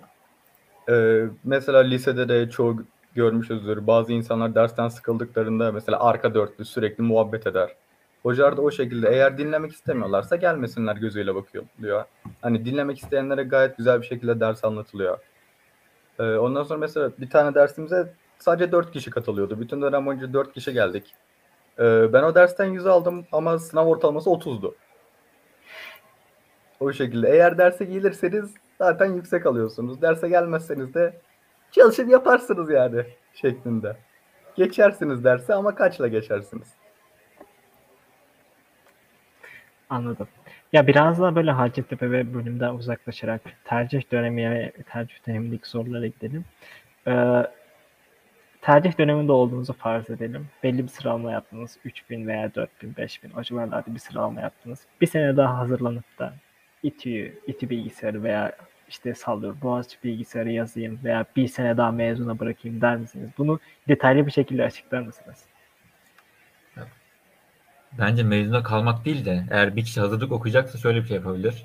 Yapan Ya arkadaşım da var. değil. Mezuna kalmak mantıklı mı burada? Yani bu sıralamaları yapıp yani 3000 4000 Ha. sıralama yapıp daha bir üniversite için, daha iyi bir bölüm için mezuna kalmak sizce gerekli mi? Yani Hacettepe mezuna kalmasan da hani sana istediğin şeyleri verebilir mi? Bunu soruyorum. Bence tekrar daha iyi bir sıralama yapacağının garantisi yok. Çünkü her sene sınavın zorluğu değişiyor gibi. Ben mesela 3000 yaptığımda annem falan demişti kal diye. Yani ilk bine ilk bin bekliyorlardı. Ama ertesi seneye kalsam ertesi sene AYT'yi çok aşırı kolay yaptılar. TYT'yi zorladılar. Ben tam tersi TYT yapamıyordum. AYT yapabiliyordum. Eğer kalsaydım muhtemelen 10 bin 15 bin arası bir sıralama yapacaktım. Yani daha kötü bir sıralama gelecekti. Bence öyle bir risk altına girmeye değmez. Ee, bence bu ilk başta bir sıralama sınavı ve insan skalası sürekli değişiyor. Yani senin sonraki sene hangi insan düzeyindeki kişilerle işte hangi insanlarla e, aynı sınava gireceğim belli değil. Sınavın nasıl olacağı, e, kolaylığı, zorluğu belli değil. Belki senin çok iyi olduğun alan kolay sorulacak ve herkes yapabilecek. E, ama e, senin çok da yani orta düzeyde iyi olduğun bir alanda e, çok zor sorular gelecek ve sadece bilen yapabilecek. Sen yine yapamayacaksın. Yani sınav anında da çok etkileyen bir süreç. Yani bence sınavı sınav anında benden çok daha iyi e, işte okulumda çok daha iyi üst seviyelerde denemelerde yapan arkadaşlarım mesela sınav anında benden kötü sıralamalar yaptılar. Sınav anı da çok önemli bence. Sınav stresini kontrol edebilmek de önemli. O sene yaşadıkların yaşadığın şeyler de önemli. Psikolojik et, etmenler de etkiliyor. Bilmiyorum ben e, en azından ilk 10 girmiş bir öğrencinin e, tekrardan bir daha o sınava hazırlanma e, riskini e, almaması gerektiğini düşünüyorum. Çünkü zaten mesela Hacettepe de çok iyi bir okul. E, ben ilk ben mesela 2000 falan bekliyordum sıralamamı ve e, sınavdan çıktıktan sonra netlerimi karşılaştırdığımda 2000-3000'e denk geliyordu. Sonrasında farklı e, yanlışlar da yaptığımı sınavdan işte açıklandıktan sonra görmüş ve yıkılmıştım açıkçası. Ama sonrasında aslında e, o tercih sürecinin de bir sınav olduğunu, sınava çalışmanın da bir sınav olduğunu veya üniversiteye girdikten sonra e, o sınavın aslında seni çalışmaya hazırladığını vesaire görüyorsun. E, bence o o sıralamanın çok da bir önemi kalmıyor üniversiteye girdikten sonra. Ben böyle düşünüyorum. Bir de ben bir şey daha ekleyebilirim. Hani üniversitenin önemi sadece ilk işe girdiği e, ilk işe giriş kısmında önemli bence. Bunu Selmi abi de sürekli söylüyor. Birkaç yıl sonra CV'nde education'ın kısmı en altlarda kalıyor. Daha çok en üstte yaptığın şeyler, e, çalışma deneyimlerin hepsi, hepsi en üstte çıkıyor. Yani bu yüzden bir yıl kaybetmeye değer mi? Ben değer görmüyorum. Kaybetmek değil aslında risk de bu. Bayağı bir risk. Evet. Ee, ben arkadaşlardan farklı olarak bir yıl mezuna kaldım. Ama mezuna kalmak istediğim için kalmadım. Ee, ben ilk yıl 15 bin yapmıştım. Hani gayet iyiydi benim sıralamam. Ben istediğim her yere girerdim. Çok gururluydum. Ondan sonra gidip sadece 4 tane tercih falan yaptım. Öyle çok çok güveniyordum kendime. Açıkta kaldım. Hiçbir yeri kazanamadım. Ondan sonra diyordum ya 15 bin yapmışım zaten. Bütün yıl çalışıp güzel bir şekilde yaparım. Ama hiç öyle olmadı. Öncelikle sürekli sürekli ders çalışmak hiç güzel bir şey değil. Hani okul varken en azından okul sürekli yönlendiriyordu her gün okula gittiğimiz için. Ama hiçbir yönlendirici bir şey olmadığında ders çalışmak daha zor. Ki yılın ortasında zaten Covid başladı. Bütün arkadaşlarım evlerinde oturmuş oyun oynuyorlar. Ben oturup soru çözüyorum. Gerçekten hiçbir de güzel değildi. Sıralamam daha iyi oldu çok şükür ama hani yapmayın. Ne olacağı hiç belli değil. Kalmayın. Çok fazla yer yazır arkadaşlar. Güzel değil. Bu arada e, ben de mezuna kaldım. İlk sene 32 bin sıralama yapmıştım. E, ve aslında ilk sene benim e, doğru düzgün bir hedefim de yoktu. E, sonrasında işte tercih zamanı iyi bir mühendislik istiyorum. O zaman bir daha çalışmalıyım gibisinden bir yaklaşımım olmuştu. Çünkü 12. sınıfta çalışmamıştım. Bunun bilincindeydim. E, hani gerektiği kadar çalışmadığımın bilincindeydim. Ya ben şunu öneriyorum. E, elinden geleni yaptıklarını düşünüyorlarsa bir daha sınava girme riskinde bulunmasınlar. E, ama benim hani o sene gerçekten e, hiç güzel geçmedi ve elimden geleni yapamadım diyorlarsa bir daha girebilirler tabii ki ve bir sene bir kayıp olmaz. E, ama ben işte hani mesela 6000'deyken bir daha girmedim. Çünkü elimden geleni yaptığımı düşünüyordum. Ve sınav anındaki birkaç şeyle 2000'i falan kaçırdığımı düşünüyordum. Bunun için de bir daha gerek e, girmeye gerek olmadığını düşünüyordum. Anladım. Ya şöyle sorayım. Zamanınız var mı? Sorulara devam edeyim. Chatten de birkaç soru gelmiş. Kendim de birkaç soru bıraktım. Ne dersiniz? Benim var yani yayının çok aşırı uzun olma sıkıntı olmuyorsa sorun yok benim Yok için. sorun diye sonuçta soruları cevaplıyoruz. Velican Zeynep siz Benim ne için de dersiniz? sorun değil. Arkadaşlar bilgilendirir. Benim için de sorun değil. Okey tamam. Chatten bir soru gelmiş. Emirhan adlı izleyicimiz. Bilgisayar mühendisi okumak daha mantıklı değil mi? Daha neye yöneleceğimize çok hakim değilken spesifik bir bölüm seçmek kumar değil mi? Yani bir tık haklı gibi. Bilmem ne düşünüyorsunuz bu konuda? Aslında bu kişiye bağlı bir soru bence. Hani ne istediğini bilen biri ise bilgisayar mühendisliği okumak yerine yapay zeka mühendisliği daha farklı. Ama eğer diyelim ki sıralama olarak bilgisayar mühendisliği gelmiyor. Yapay zeka mühendisliği geliyorsa ben olsam yapay zeka tercih ederdim. Çünkü bilgisayar mühendisliği en yakın öyle en yakın olan bölüm bu. Yani gidip e, o bilgisayar mühendisliği isteyip elektrik elektronik mühendisliği okumak hani biraz saçma olur. Çünkü dersleri çok birbirinden bağımsız. Ama yapay zeka ile bilgisayarın dersleri birbirine çok yakın. Yani bu daha çok kişi, kişide biten bir şey bence. Kişinin ne kadar araştırdığına, ne kadar kendine güvendiğine bağlı bir şey. Ben buna şöyle bir cevap verebilirim. Ee, ilk sene tercih zamanı bunu ben de çok sorguladım. Yapay zeka çok spesifik kaçar mı? İşte bilgisayar okuyup çok fazla yapay zeka yüksek lisans yapan zaten var. Neden bir daha yapay zeka yazma girişiminde bulunayım ki falan. Yani aslında ben çok hevesliydim yapay zekaya ama kendimi frenlemek için mantığım dahilinde kendime sorduğum sorulardı bunlar. Ve o sene hocalar soru cevap şeyi yapmışlardı e, bir platformu ve buna benzer sorular hocalara da sorulmuştu. Hocaların verdiği cevap şuydu ve beni tatmin etmişti. E, açıklayayım belki o arkadaşı da tatmin eder. E, bilgisayar biliminin aslında şu an çok fazla dallandığını ve kendi içindeki çoğu şeyi e, lisans düzeyinde anlatamadığını açıklayan bir uzunca bir açıklamaydı. E, yapay zeka da bunların bir bunlardan bir tanesi ve yapay zeka aslında özel bir alandan ziyade tamamen büyük bir alan oldu ve aslında bilgisayarın alt dalı olarak evet düşünülebilir ama yapay zeka da kendi içinde çok fazla şeyi kapsadığı için yapay zeka eğitimini direkt almak çok daha mantıklı gelmişti bana hani o çerçevede baktığımda. Bilgisayar biliminin çok fazla kola ayrıldığını ve aslında bilgisayar bilimi e, diye lisans düzeyindeki eğitimde e, yani o ayrıntılı kolların çok fazla işlenemediğini, çok fazla e, hani gösterilemediğini vesaire açıklayan bir e, yazıydı hocanın yazısı. Öyle açıklayabilirim. Ee, Ben küçüklüğümden beri bilgisayarda kod yazmak, kendi kendine çalışan bir şeyler yapmak istiyordum. Böyle Iron Man'in zırhındaki o yapay zeka gibi. Hani ondan etkilenmiştim küçükken. O yüzden yapay zeka mühendisliğini daha çok istedim bilgisayar mühendisliğinden. Ee, Zaten hani küçüklüğümden beri seçmiştim bu alana yönelmeyi. Bölüme girerken de yönelmiş oldum. Anladım. Ee, sıradaki sorum da şu şekilde.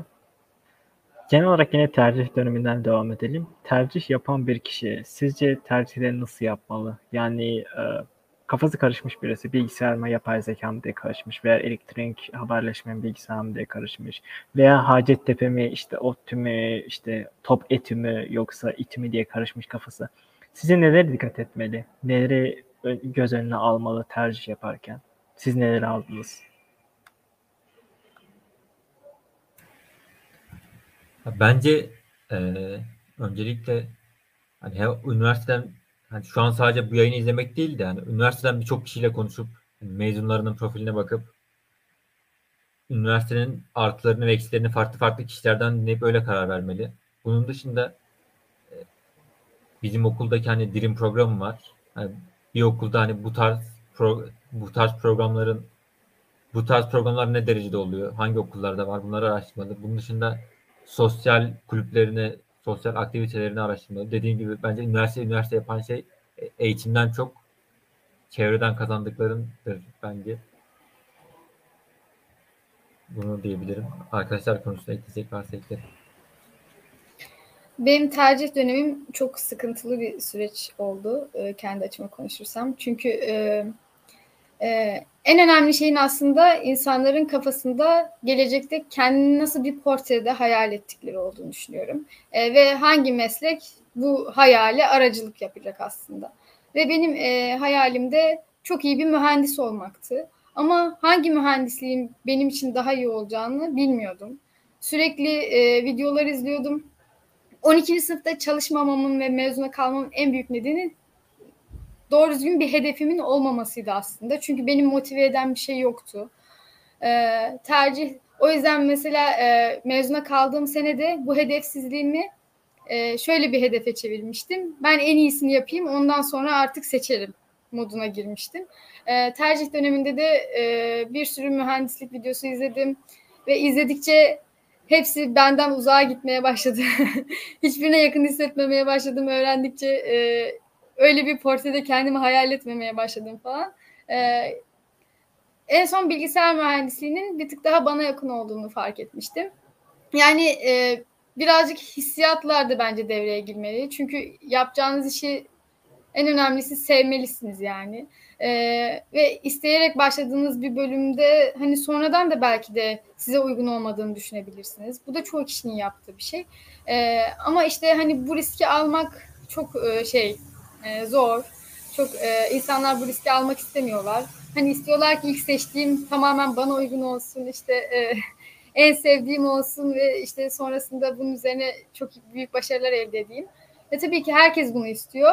E, o yüzden de ben gerçekten hani içime yakın bir meslek seçmeyi e, şey yaptım ve bilgisayar mühendisliği bana yakın gelmişti. Sonrasında yapay zeka mühendisliğinin açıldığını vesaire duyunca ve araştırdıkça yapay zeka mühendisliğini kendime daha yakın hissettim. Ee, ve şunu eminim ki yakın hissettiğiniz bir bölümde ben mesela ilk sene aşırı zorluk çektim.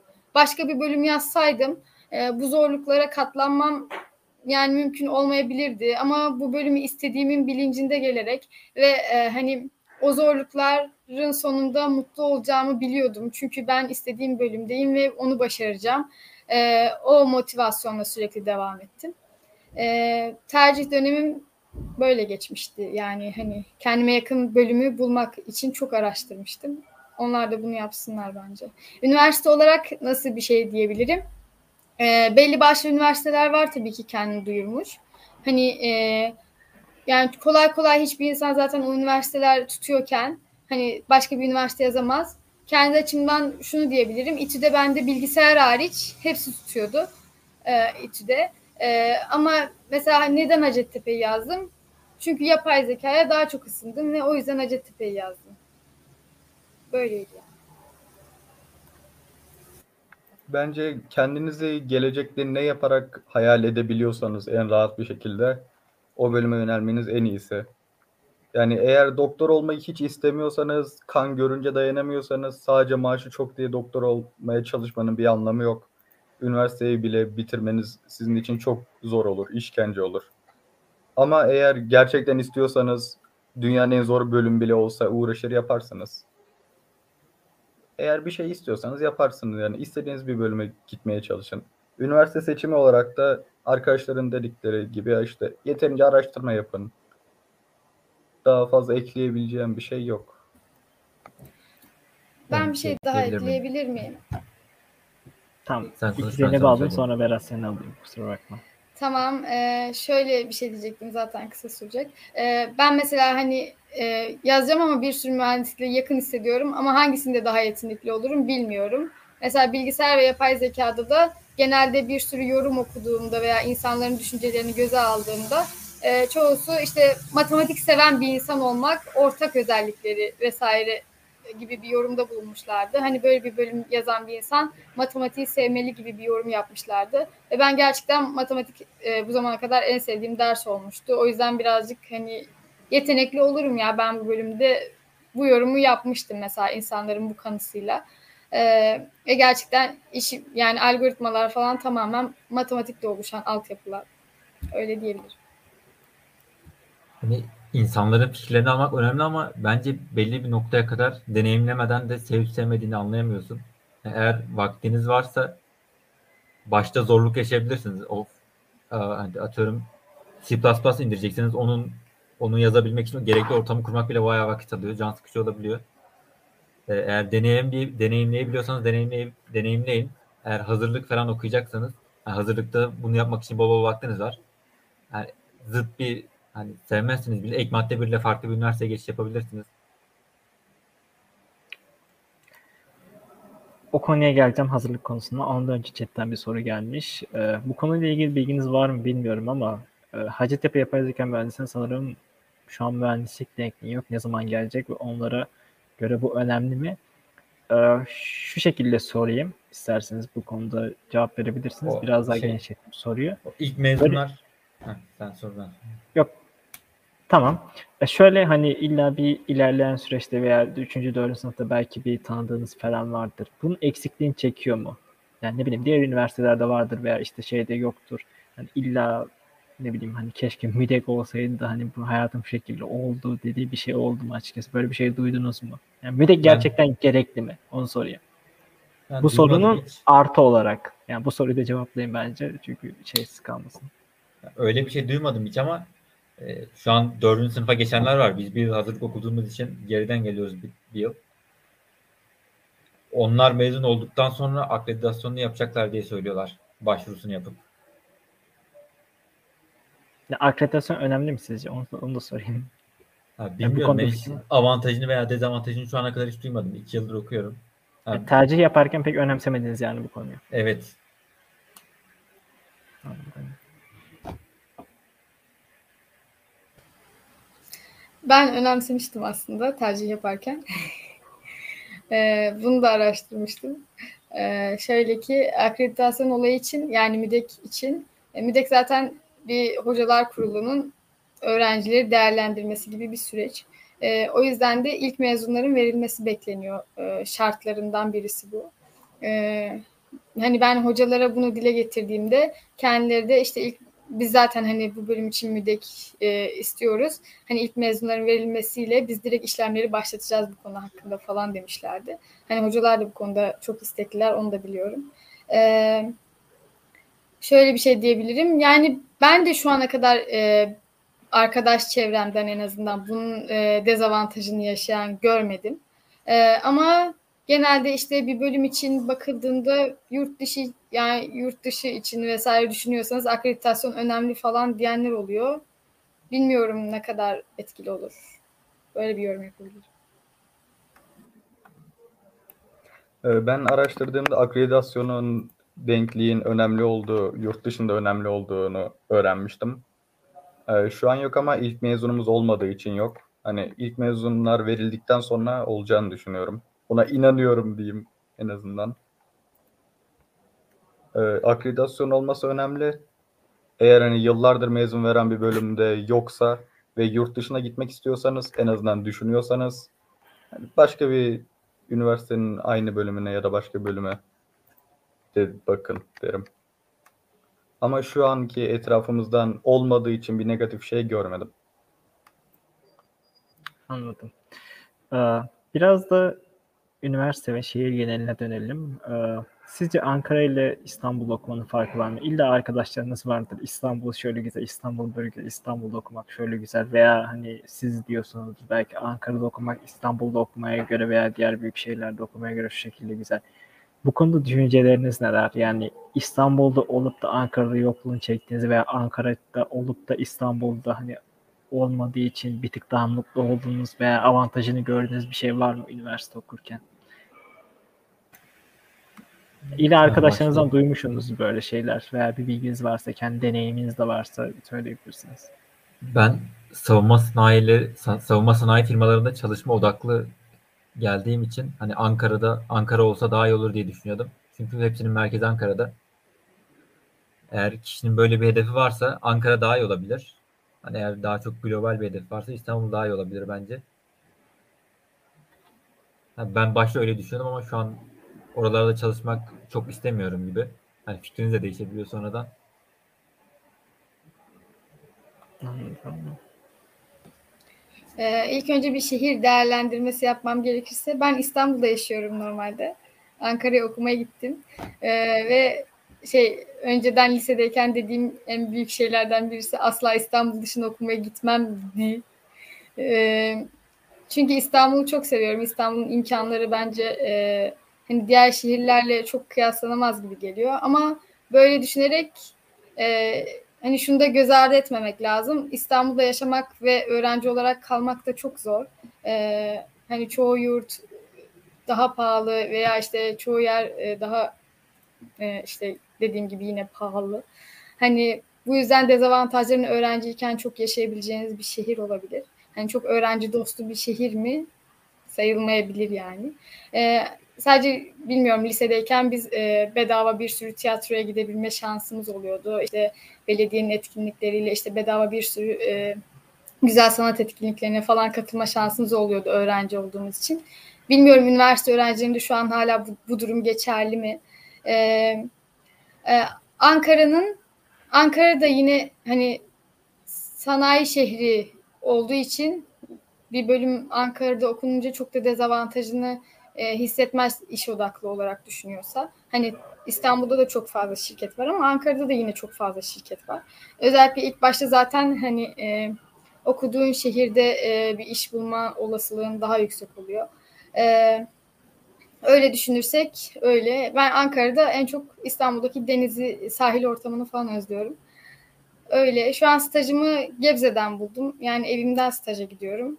Hani yine siz de hani öyle bir şehirde kalıyorsanız şehir değiştirir, değiştirirsem böyle bir dezavantaj yaşar mıyım diye düşünüyorsanız staj başvurularınızda zaten her şehire başvurabiliyorsunuz. Her şehirden de onay alabiliyorsunuz. Hani böyle bir sıkıntı yaşayacağınızı düşünmüyorum. Ben mesela Gebze'den onay aldım. Gebze'ye gidiyorum staja. Öyle.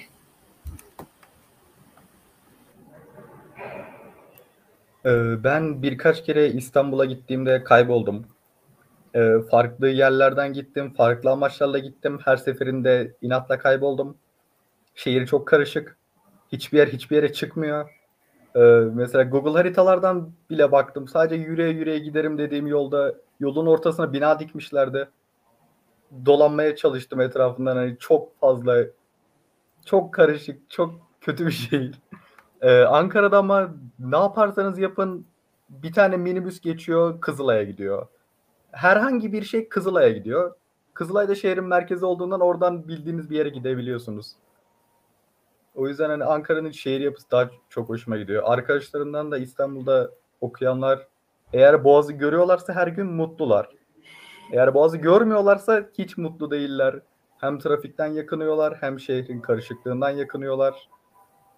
Ama Boğaz güzel. Deniz var. Sadece Boğaz değil arkadaşa katılmıyorum. Denizi gören her yer güzel İstanbul'da.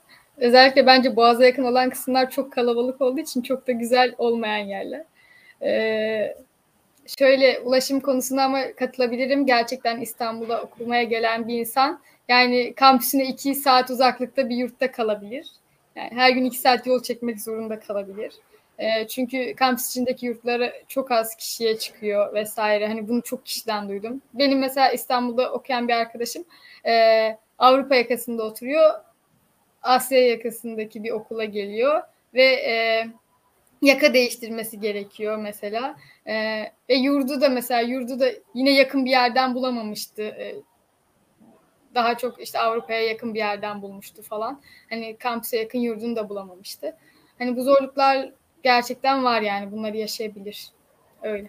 Ama İstanbul'da bir insanın, İstanbul'u en azından bilen bir insanın kaybolma ihtimali çok zor diye düşünüyorum. Çünkü herkes, her yani yoldan geçen bir insana sorun size yol tarif eder yani. Çok rahat bulursunuz. Yani özetle öğrenci yaşamı olarak İstanbul bir tık daha zorlu. Ankara bir tık daha kolay diyorsunuz. Doğru mu anlamışım? Anladım.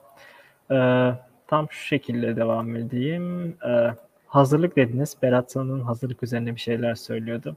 Hacettepe'de hazırlık okumanın, bilmem Velican sen mi okumuştun hazırlık sanırım sendin. Hacettepe'de hazırlık okuduğunuzda iyi ki de okumuşum dediniz mi? Yani ya da dışarıdan ben de bunu yazın tamamlardım. Hani bir sene boş kaybettim dediğiniz bir şey oldu mu? Şu şekilde toparlayayım üniversite tercihini yapmış. Hacettepe yapay zeka ve bilgisayar kesin gelecek diyor arkadaşımız. Hazırlık okumalı mı sizce? Bir seni kaybeder mi yoksa kazanacağı dil konusunda da veya ne bileyim sosyalleşme konusunda da çok fazla şey olur mu? benim İngilizcem çok kötüydü. Ha, zaten hazırlık okuyacağımı kesin düşünüyordum. Başta çalışıyordum. Ama Hacettepe'nin hazırlığı bence çok yeterli değil. Sonradan ben de çalışmayı bıraksam da eğer tercih dönemine geri dönsem hani Boğaziçi'nde herhangi bir bölümü yazıp hazırlığı orada okuyup sonradan hangi bölümde okumak istiyorsam oraya giderdim.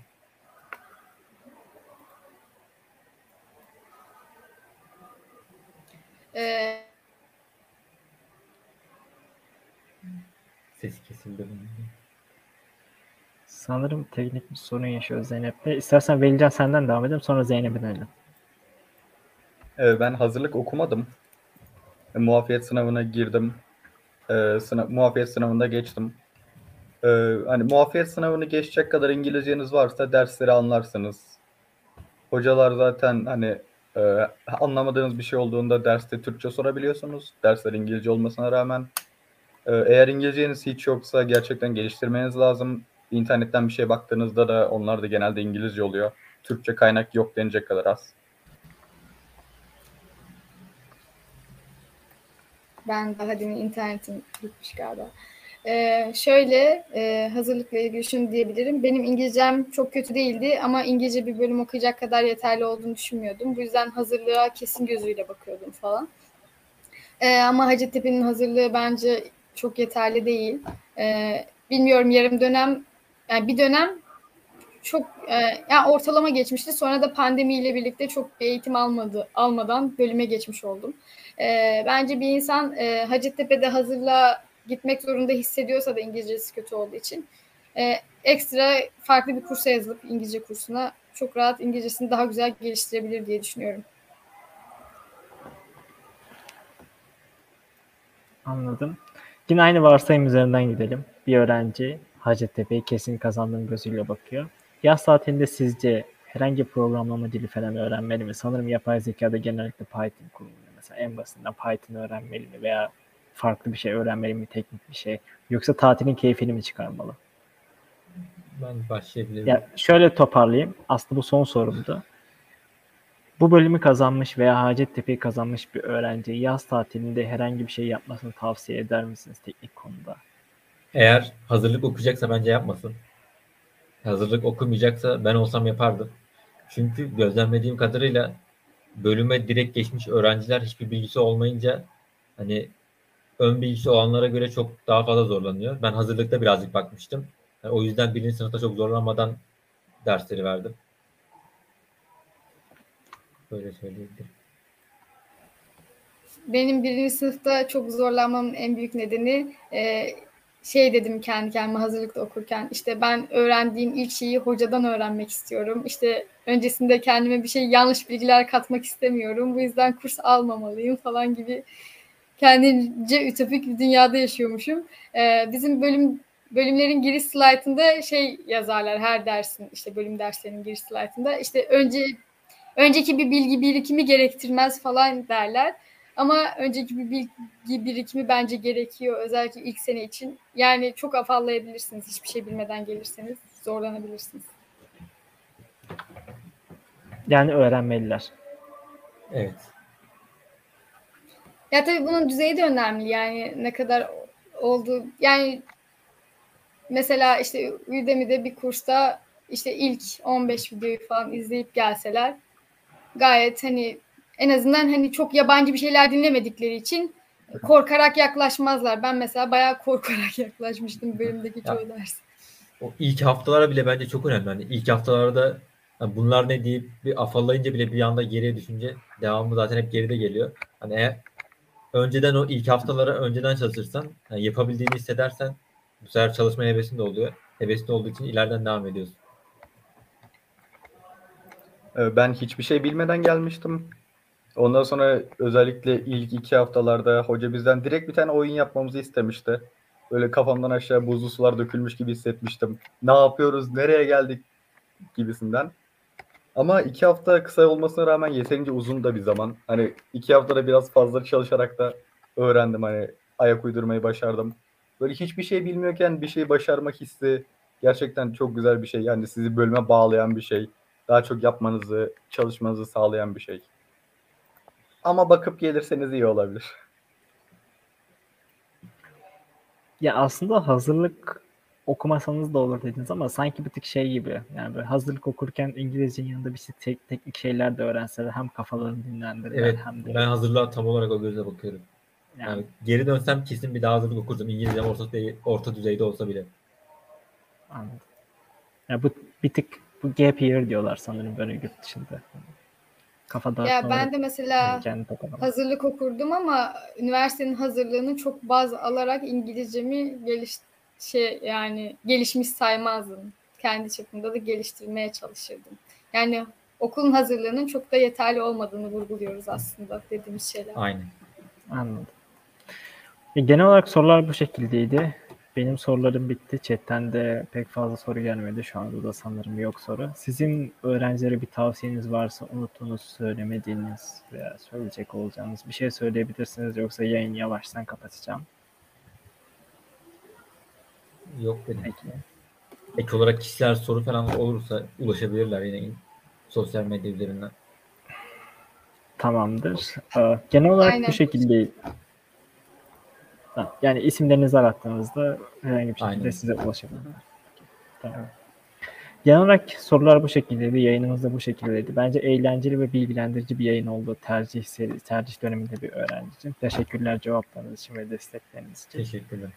Biz teşekkür Ee, ederiz. Kesişen Yollar Derneği'nin üniversite tercih serisi programının bugünlük sonuna geldik. Aynı şekilde cumartesi günde Topet'teki yapay zeka mühendisliği hakkında konuşacağız. İlerleyen süreçte de farklı farklı okullarımız olacak. Sosyal medya hesaplarımızdan hangi okulların ne zaman yayın olacağını takip edebilirsiniz. Başarılı bir tercih dönemi dilerim. İnşallah sınav sonuçlarınız da dilediğiniz gibi gelir. Görüşmek üzere. İyi akşamlar herkese. İyi akşamlar. İyi akşamlar.